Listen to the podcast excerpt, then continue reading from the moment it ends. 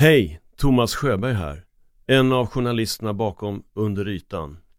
Att granska makten kan ge en många fiender, det vet jag. För att vi ska kunna fortsätta granska de historier som finns under ytan ger vi dig möjligheten att stötta oss genom att bli medlem av Under ytan plus för 39 kronor i månaden. Då kan du förhandslyssna på hela serien direkt utan reklam samtidigt som det möjliggör vårt fortsatta arbete. Följ bara länken i avsnittsbeskrivningen. Tack för att du lyssnar. One size fits all seems like a good idea for clothes until you try them on. Same goes for healthcare. That's why United Healthcare offers flexible, budget-friendly coverage for medical, vision, dental, and more. Learn more at uh1.com.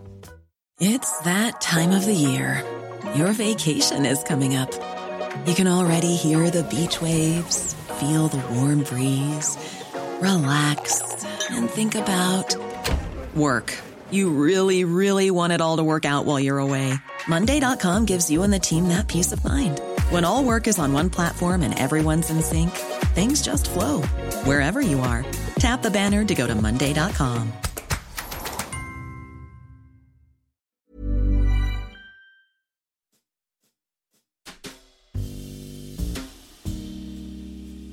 Marie och hennes dotter Lisa har mötts hos psykologen och Lisa har för första gången berättat för sin mamma vem som har förgripit sig på henne. Så kände jag bara en sån jävla smäll i magen. Det var som någon sparkade inälvorna på mig. Men jag tänker så här, okej, okay, nu jävlar, nu, nu ska vi fixa det här. Så att jag reser på mig och hennes tårar rinner ner och jag ger henne en kram och så säger jag, vet du, vi fixar det här. Vi fixar det här. Du lyssnar på tredje delen av Skammen, berättelsen om ett övergrepp. En serie i fem delar av mig, Thomas Sjöberg, producerad av Anders Nyström och Niklas Runsten för Current Affairs. Och ganska snabbt så blir det ju också tydligt i det här att vi har, jag och mamma har väldigt olika sätt att hantera det här på. Och då kommer ju den här skammen. Alltså vad är jag för jävla mamma som inte ens såg? Marie och hennes dotter Lisa har mötts hos psykologen och Lisa har för första gången berättat för sin mamma vem som har förgripit sig på henne. Det är på sätt och vis en lättnad för Lisa, men för Marie blir det en chock att inse vad hon omedvetet tycks ha blundat för. För de båda är det nu som den verkliga utmaningen börjar. Och jag vet inte hur länge vi sitter där och jag vet, och då så säger jag så här, vad, vad, när? Och då säger hon att jag började, han började när jag var fyra år. Ja, men hur vet du att du var fyra år? Eh, tapeterna, jag kommer ihåg tapeterna. Och så gick vi ner och köpte godis. Och då tänkte jag, okej. Okay, vi bodde på ett speciellt ställe när hon var fyra år med de där tapeterna. Vi flyttade därifrån när hon var fyra. Och jag vet att man gick ner för en bergsluttning för att gå till bensinstationen och köpa godis. Så då visste jag att det måste ju vara då. Och det är klart att hon mindes att det var då. Det blev sån jävla chock ändå. För att man tror inte i sin vildaste fantasi, dels att ens barn blir förgripen på, men absolut inte av sin egen pappa. Alltså, jag har som sagt fördomar och jag har ju tänkt så här, men en pedofil, det, det syns ju på en människa om han är pedofil, det är oftast män. Det, det, det, vet man ju. Man ser ju om det är en äcklig jävel. Men det gör man ju inte. Här har vi alltså en man som har ett väldigt välbetalt jobb, går omkring i Hugo Boss-kostymer, är extremt mån om sitt utseende, populär bland vänner och bekanta. Okej, alla kompisar visste ju att han, hade, han var jävligt lynne när han eh, fick i sig alkohol, men alltså han var en väldigt städad människa. Och så är han en pedofil. Jag, jag fick inte in det här i huvudet. Alltså, det, det, han, han var ju en jättebra pappa, tyckte jag. Men alltså jag, jag kommer inte riktigt ihåg. Alltså jag var i sån chock, men kände bara att jag måste fixa det här. Jag ska laga henne. Sen åker jag hem på kvällen eh, och jag minns att det var vinter ute och sen gräver jag fram min vigselring med ganska feta diamanter och min förlovningsring som jag hade sparat. Eh, och så går jag ut i skogen och slänger åt helvete. Sen går jag hem igen, ner i källaren, rotar fram alla fotoalbum. Jag hade sjukt mycket fotoalbum från den tiden. Jag river ut allting som har bilder på mig och honom. Bara gick jag upp med att öppna spisen så slängde jag in skiten och eldade upp allting. Maries reaktion under samtalet med terapeuten, där alla var samlade, blir också inledningen på en mångårig självrannsakan. Det som kom över mig efter det här, det var... Jag började rannsaka mig själv efter att vi hade varit hos den här psykologen. Och bara, varför har inte jag sett någonting? Vänta lite här nu. Han började när hon var fyra år. Jag skilde mig från honom när hon var sex år. Två år. Och jag såg ingenting. Hur kunde jag inte se? Och då kom ju den här skammen. Alltså vad är jag för jävla mamma som inte ens såg? Och jag, eftersom jag är så otroligt fördomsfull så har jag alltid tänkt att en mamma som inte ser är fan ingen mamma. Så att det där blev ju otroligt jobbigt att jobba med. Men var också väldigt bra där därför att hon sa hela tiden, mamma du kunde omöjligt ha sett. Det fanns liksom inte att du... Det, jag gömde Ja, jag mår så dåligt när, hon, när jag tänker på det. Hon berättade att hon... Vi körde ju varannan vecka då. Hon berättade att hon tvättade sina trosor som var blodiga. Tvättade hon så att inte jag skulle se. Eh, massa sånt där. Så hon blev ju specialist på att dölja alla spår. Men jag fick ju, alltså det, det vart ju som en domino-grej över det här. Jag, plötsligt förstod jag varför jag aldrig fick se henne naken. Hon var supernoga med att låsa badrummet. Jag blev tokig. Och tänkte, men gud vad är det för någonting? Jag gick omkring i trosor hemma utan bh bara för att jag skulle visa hur jävla normalt det var att visa sig naken. Och jag googlade, kommer jag ihåg också. Jag tänkte, jag gör ju något fel som mamma som inte... Hon bara vägrar att visa sig naken. Och vid två olika tillfällen så var vi på läkarbesök med henne. Båda gångerna var vi hos olika manliga läkare och när hon blev ombedd att ta av sig tröjan så fick hon tokspel båda gångerna. Och jag bor ju som sagt i ett sånt där fint välbärgat område så att jag känner bara, åh gud, nu tycker läkarna att vad är det här för mamma som inte har ordning på sin dotter? Så att jag höll ju på att skämmas ihjäl. Fattar ju ingenting.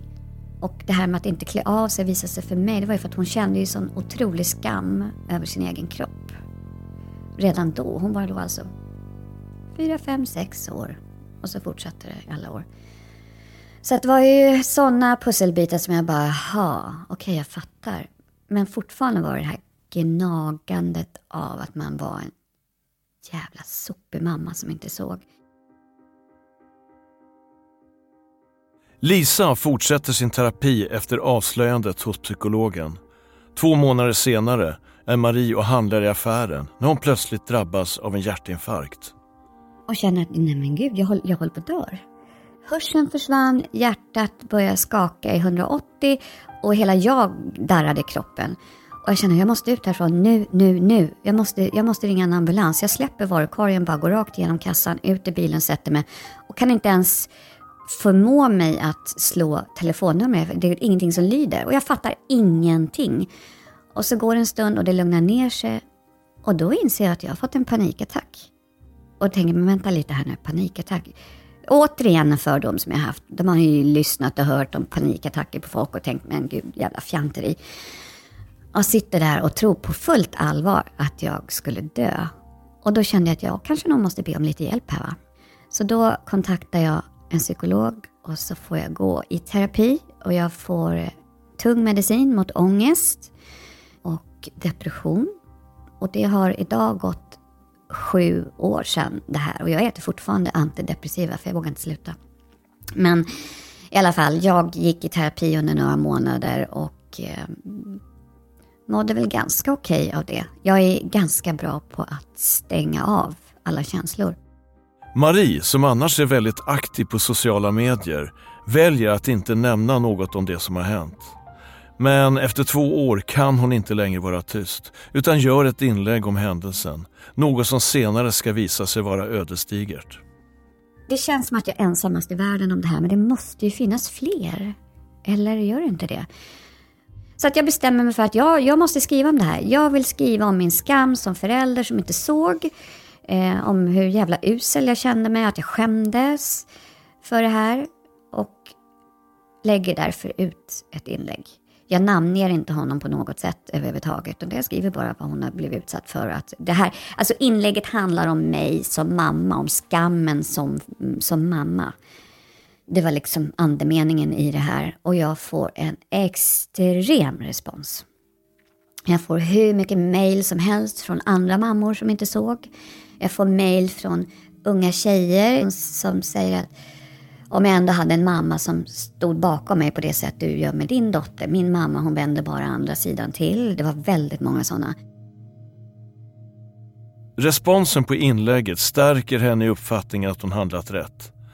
Men tillbaka två år i tiden, till Lisa och hur hon agerade direkt efter det avgörande mötet hos psykologen. Och jag märker på henne att hon är så otroligt uppjagad, så otroligt arg. Så hon kramar mig och så klappar hon mig på ryggen och så säger hon det kommer bli bra. Det kommer ordna sig, vi fixar det här. Och sen så tar det där samtalet slut mycket fortare än vad det egentligen var tänkt. För att mamma inte riktigt heller tror jag klarar av att vara kvar i rummet. Så de åker därifrån. Vi är kvar. Jag pratar med mormor och morfar och mormor förstår ju också att det här, ska bli, att det här kommer bli en stor reaktion från mammas håll. Några timmar senare på kvällen, mycket riktigt så ringer mamma till mormor och är helt skogstokig. Helt förstörd, helt hysterisk över det här. Och ganska snabbt så blir det ju också tydligt i det här att vi har, jag och mamma har väldigt olika sätt att hantera det här på. Jag har under hela mitt liv från att jag var liten fram till vuxen ålder i princip aldrig visat ilska. Jag har känt att jag inte har fått bli arg eller kunnat bli arg. Utan jag har alltid reagerat med att vara ledsen och med att vara förstående och tycka att man ska förstå alla och inte vara så osams. Och mamma var jättearg. Så att jag förstod då att det skulle bli ganska, en ganska lång resa för mig och henne i det här. Och det blev det mycket riktigt. Mamma, mamma var extremt arg och det mynnade ut i att hon också då agerade ganska irrationellt. Under en lång period efteråt skulle jag säga. Eh, hon skickade hotfulla sms till berörda runt omkring. Hon skickade sms till min pappa. Hon åkte runt i och hoppades på att hon skulle stöta ihop med honom. Medan jag då försökte fokusera på att hitta sätt att läka. Mamma ville absolut inte gå till en psykolog, hon var inte intresserad av det, hon behövde ingen hjälp. Så vi hanterade det här väldigt olika. Och när jag berättar det här för mamma då är det i april någon gång skulle jag tro. Sen kommer sommaren och då är det uppehåll från psykologen. Och då känner jag också att det här kommer inte att hjälpa mig. Min stress blir bara värre, jag får mer och mer ångest. Jag kommer snart inte kunna fungera i vardagen överhuvudtaget om jag inte får rätt verktyg för att hantera livet. Så att under det här sommaruppehållet från psykologen så sitter jag och googlar och googlar och googlar och försöker hitta någonstans där, dit jag kan vända mig för att få hjälp och hitta verktyg att klara av vardagen. Inte bara liksom att fortsätta hantera det jag nyss har berättat och öppna upp för hela världen och familjen utan också att liksom hitta sätt att hantera livet så som det såg ut just då. Så att efter mycket googlande så hittade jag en eh, organisation som jobbar med sexuellt utsatta. Så att jag mejlar dit med andan i halsen på något sätt och de svarar snabbt att de har en gruppterapi som ska starta igång precis bara någon vecka senare. Det här var i slutet på sommaren. Och då hoppar jag på den här gruppterapin och då är det jag och ett gäng tjejer som får gå i gruppterapi tillsammans. Alla har varit sexuellt utsatta av en nära anhörig på ett eller annat sätt som barn. Och det visar sig vara det bästa jag har gjort för egen del. Så att jag avslutar min kontakt med psykologen och jag börjar istället gå i gruppterapi hos den här organisationen och gör det under drygt ett års tid. Och då både gruppterapi och sen även enskild terapi. Övningen under terapin hjälper henne framåt, men det som verkligen gör skillnad det är mötet med andra som råkat ut för liknande övergrepp. Men framförallt så får ju vi också ta del av varandras historier, vilket var det största för mig. För jag trodde ju någonstans i allt det här under alla de här åren att jag var helt ensam. Att det var bara jag som blev utsatt, att ingen annan blev utsatt. Och det var nog det absolut mest förlösande för mig. i hela det här terapiarbetet att förstå att jag inte var själv. Och att jag inte behövde vara själv med skammen. Även om man inte önskar någon annan att vara med om samma sak så var det så otroligt skönt att se att man inte var ensam. Det var det absolut största för mig. Den största lärdomen under den perioden. Och även att få insikten om vad konsekvenserna av övergreppen hade gett mig, vad det hade gjort med mig som person. Och det var första gången jag stötte på begreppet PTSD. Eh, och de symptomen som man beskrev då, det var ju som att poletten trillade ner hos mig. Och det var så skönt att få förklarat varför jag var som jag var. Det hade jag aldrig upplevt innan, så det var också en otroligt förlösande stund när jag fick lära mig om PTSD. Så det blev en ögonöppnare för mig. Och det blev också tydligt i det här att det kanske är konsekvenser som jag kommer behöva leva med resten av mitt liv. Att vissa av de här sakerna kommer bara få finnas där, vare sig jag vill eller ej. Hej, jag Ryan Reynolds. På Mint Mobile, we like to do the opposite of what Big Wireless does. They charge you a lot, we charge you a little. So naturally, when they announced they'd be raising their prices due to inflation, we decided to deflate our prices due to not hating you. That's right. We're cutting the price of Mint Unlimited from $30 a month to just $15 a month. Give it a try at mintmobile.com slash switch. $45 upfront for three months plus taxes and fees. Promote for new customers for limited time. Unlimited more than 40 gigabytes per month. Slows. Full terms at mintmobile.com. How would you like to look five years younger? In a clinical study, people that had volume added with Juvederm Voluma XC in the cheeks perceived themselves as looking five years younger at six months after treatment. Look younger, feel like you. Add volume for lift and contour in the cheeks with Juvederm Voluma XC. Reverse signs of aging by adding volume to smooth laugh lines with Juvederm Volure XC. For important safety information and to find a licensed specialist, visit juvederm.com. That's J U V E D E R M.com. Not for people with severe allergic reactions, allergies to lidocaine, or the proteins used in Juvederm. Common side effects include injection site redness, swelling, pain, tenderness, firmness, lumps, bumps, bruising, discoloration, or itching. There's a risk of unintentional injection into a blood vessel, which can cause vision abnormalities, blindness, stroke, temporary scabs, or scarring. Talk to a licensed specialist to find out if it's right for you.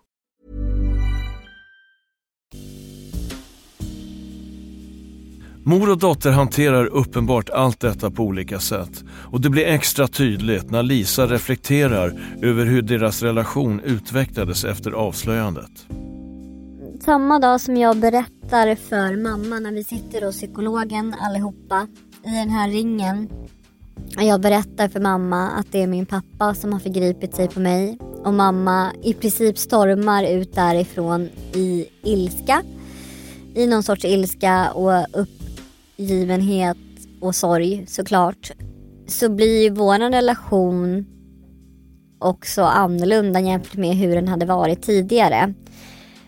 Och där var det lite samma sak. Jag upplevde lite samma känsla där som jag upplevt väldigt många gånger tidigare i mitt liv. Att återigen så var ju jag den som, hade, som fick gå in och ta hand om mammas reaktion, mammas sorg, mammas ilska. Min styvfars reaktion och sorg och ilska. Jag fick vara den som blev resonlig helt enkelt. Jag fick vara den som var lugn och sansad, som inte blev irrationell, som inte agerade eh, i ilska. Utan jag fick på något sätt ta hand om dem i det. Och flera gånger när jag pratade med mamma och min styvfar kring det här så upplevde jag också nästan lite grann en, en nonchalans i vad jag hade varit med om. Som mamma sa någon gång, ja du har ju levt med det här i alla år, det har inte jag. Och den var ganska tung att ta emot för att jag kände ju ändå att så här, ja precis det är jag som har levt med det här i alla år. Även om jag någonstans också givetvis hade en förståelse för mamma och hennes sorg. Så var det lite grann som att jag fick skjuta undan mina egna känslor för det här och det jag hade berättat och konsekvenserna som nu blev för att hantera mamma och för att på något sätt också hjälpa mamma att inte gå fullständigt bananas i situationen. Men det gjorde ju hon ändå. Vi hade ju många samtal kring, jag ville ju till exempel inte överhuvudtaget att hon skulle höra av sig till pappa. Jag ville inte att hon skulle skriva om det här någonstans. Jag ville inte att hon skulle prata med någon initialt utan jag ville liksom att vi skulle få läka det här tillsammans som familj. Jag ville läka det här själv. Men mamma kunde inte riktigt hantera det på det sättet. Hennes sätt att hantera sin sorg var ju att skrika ut det här egentligen till allt och alla hon mötte. Och eh, att också vara väldigt tydlig mot min pappa. Eh, så där skedde det en förändring i vår relation och vi gick ju liksom mer och mer i clinch. Vi gled ifrån varandra, jag kände att jag inte kunde lita på mamma. Det blev också då att när jag kände att jag inte kunde lita på henne med att berätta om vissa saker eller om mina känslor så skapades det ju ett gap emellan oss. Och när jag också märkte att hon skickade sms fast hon hade lovat att hon inte skulle göra det till pappa till exempel eller diverse andra människor runt omkring. Så brast ju det där lite för mig. Men vi fortsatte jobba ihop, eh, vi sågs ju på jobbet varje dag. Men jag kände mig ganska överkörd. Och jag kände att jag liksom hamnade i skuggan av allt det här fast det var jag som hade blivit utsatt. Och det var en ganska jobbig känsla och jag vet att vi pratade om det här, eh, jag och min psykolog och hon sa till mig vid något tillfälle att om du inte slutar förstå folk åt höger och vänster så kommer du att förstå ihjäl dig till slut. Någonstans så måste du börja sätta dina gränser. Och det var ju också en process i det här. Jag hade berättat det här för familjen men jag hade fortfarande inte fått några riktiga verktyg. Jag var ju på god väg men jag hade inga verktyg för att hantera var mina gränser gick. För det var också en sån sak som jag som man bär med sig när man har varit utsatt. Man har ingen aning om var ens egna gränser går. Man har inga gränser. Utan man bara låter alla andra göra precis som de vill. Så det var en del i det här och jag kände att mamma fortfarande körde över eh, mig och gick över mina gränser. Och det gick så pass långt att vi under en period helt slutade prata med varandra. För att jag upplevde att hon körde sitt race och ville liksom basunera ut det här medan min önskan var att inte prata om det på det sättet. Lisa berättar om de verktyg hon till slut hittar för att kunna leva ett så normalt liv som möjligt. Ja, jag blev ju diagnostiserad med komplex PTSD som det kallas och komplex innebär ju att det är en form av PTSD som man kanske inte kan behandla fullt ut och med, där man kanske kommer få leva med vissa konsekvenser resten av livet. Och jag har ju gått i terapi i omgångar för det här. Jag gick i terapi hos den här organisationen och sen har jag även gått i ren traumaterapi efteråt. Och verktygen jag har fått för att liksom kunna hantera min vardag, mitt liv, det är ganska basala verktyg. Eh, sånt som kanske varje människa borde förhålla sig till och göra oavsett om man har komplex PTSD eller eh, ingen diagnos alls. Och det är ju helt enkelt att röra på sig, äta bra, sova ordentligt, ha extremt fasta rutiner det är väl det mest basala. Och sen är det nog också att få lära sig att hantera sin ångest. Att förstå att ångest bara är en känsla och att känslor är övergående. Och att också tillåta sig att vara i ångesten och att vara i känslan och förstå att den kommer gå över. Det är en del av det. Sen är det ju att hantera alla de här konsekvenserna i form av dissociation som jag fortfarande kan uppleva ibland i vissa lägen. Att hantera sömnproblematiken, att hantera min stressnivå.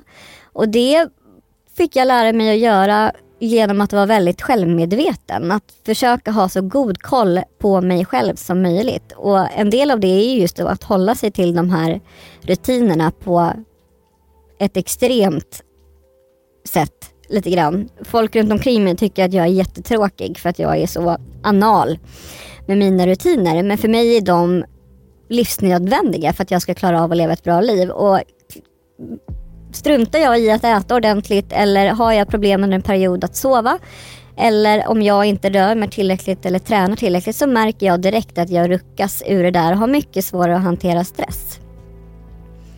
Så att det handlar om att vara självmedveten, att förstå sina känslor och att de är övergående och att hålla sig till sina fasta rutiner. För mig funkar det. För mig funkar det jättebra. Däremot så har ju jag en extremt eh, låg tolerans för stress. Ehm, jag kan hantera den väldigt bra när jag är på jobbet. Jag kan gå in i en yrkesroll. På jobbet kan det vara hur stressigt som helst. Men jag får liksom ett bakslag då privat när jag kliver ur min jobbroll sen i form av att jag är extremt trött, jag klarar inte av några yttre påfrestningar. Eh, jag är väldigt mycket sådär, min mamma tycker att jag är extremt tråkig men har jag en inbokad sak en vecka utöver det vanliga, vardagliga, så är det en extrem stress för mig. Jag klarar inte av, av att ha mer än en inbokad sak per vecka.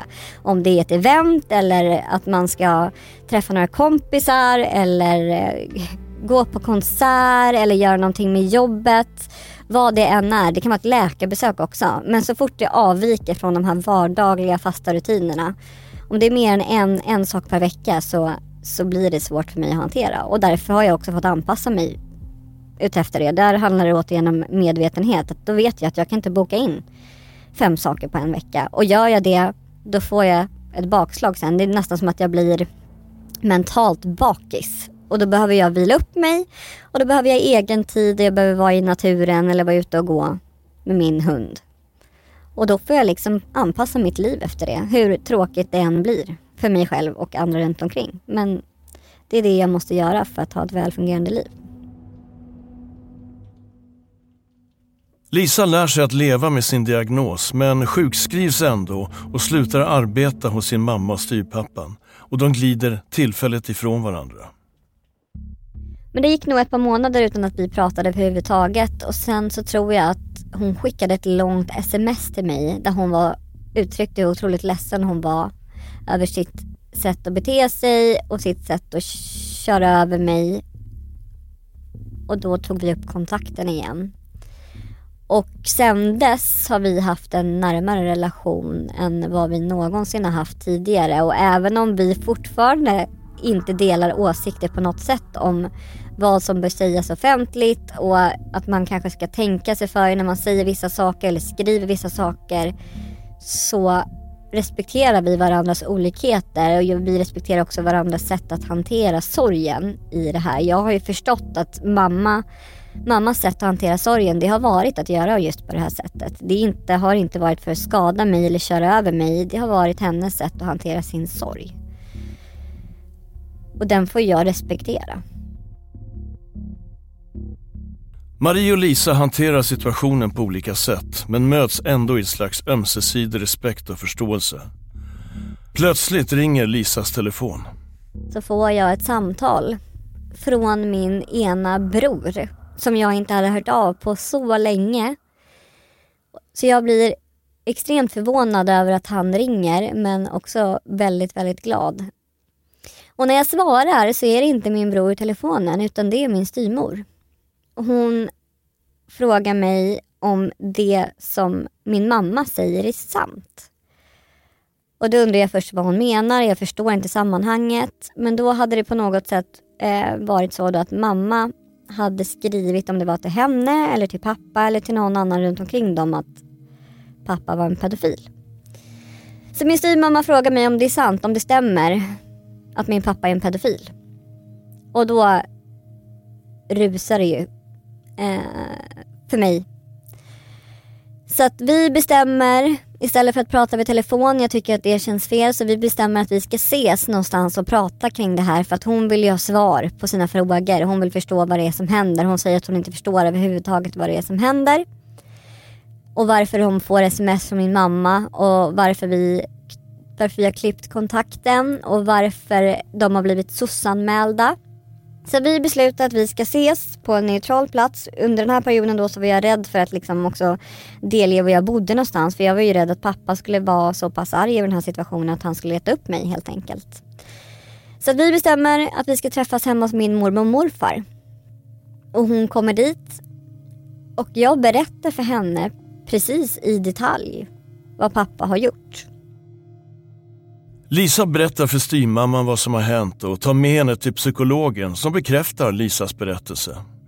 Efter det här samtalet hoppas hon få tillbaka relationen med sina småsyskon. Men så blir det inte. Månaderna går tills hon en dag hör av sig till styrmamman. Jag skickar ett sms senare samma kväll till min styrmor och frågar vad det är som har hänt, varför min bror inte vill eh, veta av mig, vad det är som har sagts, vad som har gjorts. Och då framkommer det då att de har försökt, de, hon säger att de har försökt prata med mina syskon eh, men att min pappa då har sagt att jag har fel minnen och att jag är sjuk, att han hoppas att jag vaknar upp en dag. Och då förstår ju jag att förmodligen så kommer jag inte få ha något mer med mina syskon att göra. Och det var sista gången jag såg dem. Att tappa kontakten med sina syskon var en av Lisas största farhågor med att berätta vad hon utsatts för. Och det har nu hänt. Och med detta eskalerar nu historien då hon tillsammans med sina terapeuter efter alla år väljer att göra en polisanmälan för det hon utsatts för. Så efter mycket om och men så bestämmer jag mig för att ändå göra en polisanmälan. Och inte för att jag kanske tror att det ska leda någonstans eller att det ska få en liksom rättslig effekt. Utan för att dokumentera mina upplevelser, framförallt för mina syskons skull. Jag ville ju att hon skulle polisanmäla på en gång, men hon ville inte det. För hon sa att det, det som har hänt har hänt. Så att jag släppte det vid det. Och min första tanke var också att han ska ju bara dö. Den jäveln ska dö. Men så kände jag, nej det ska han inte göra. Han ska leva hela livet och han ska tänka på det här. Du har lyssnat på tredje delen av Skammen, en berättelse om ett övergrepp. En serie i fem delar av mig, Thomas Sjöberg, producerad av Anders Nyström och Niklas Runsten för Current Affairs.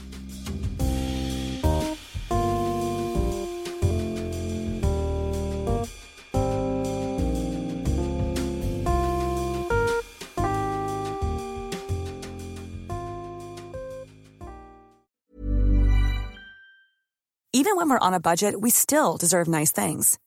Quince is a place to scoop up stunning high-end goods for 50 to 80% less than similar brands. They have buttery soft cashmere sweaters starting at $50, luxurious Italian leather bags, and so much more. Plus, Quince only works with factories that use safe, ethical, and responsible manufacturing. Get the high-end goods you'll love without the high price tag with Quince. Go to quince.com slash style for free shipping and 365-day returns. Planning for your next trip?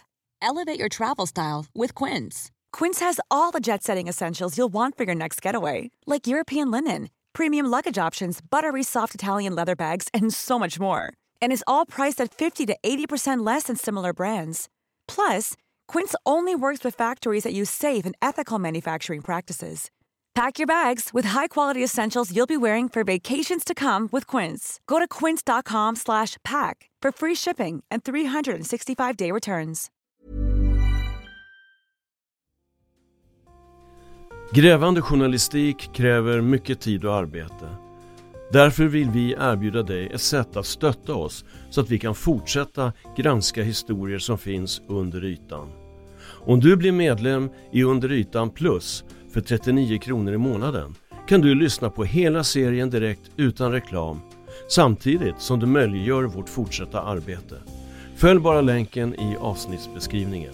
Tack för att du lyssnar.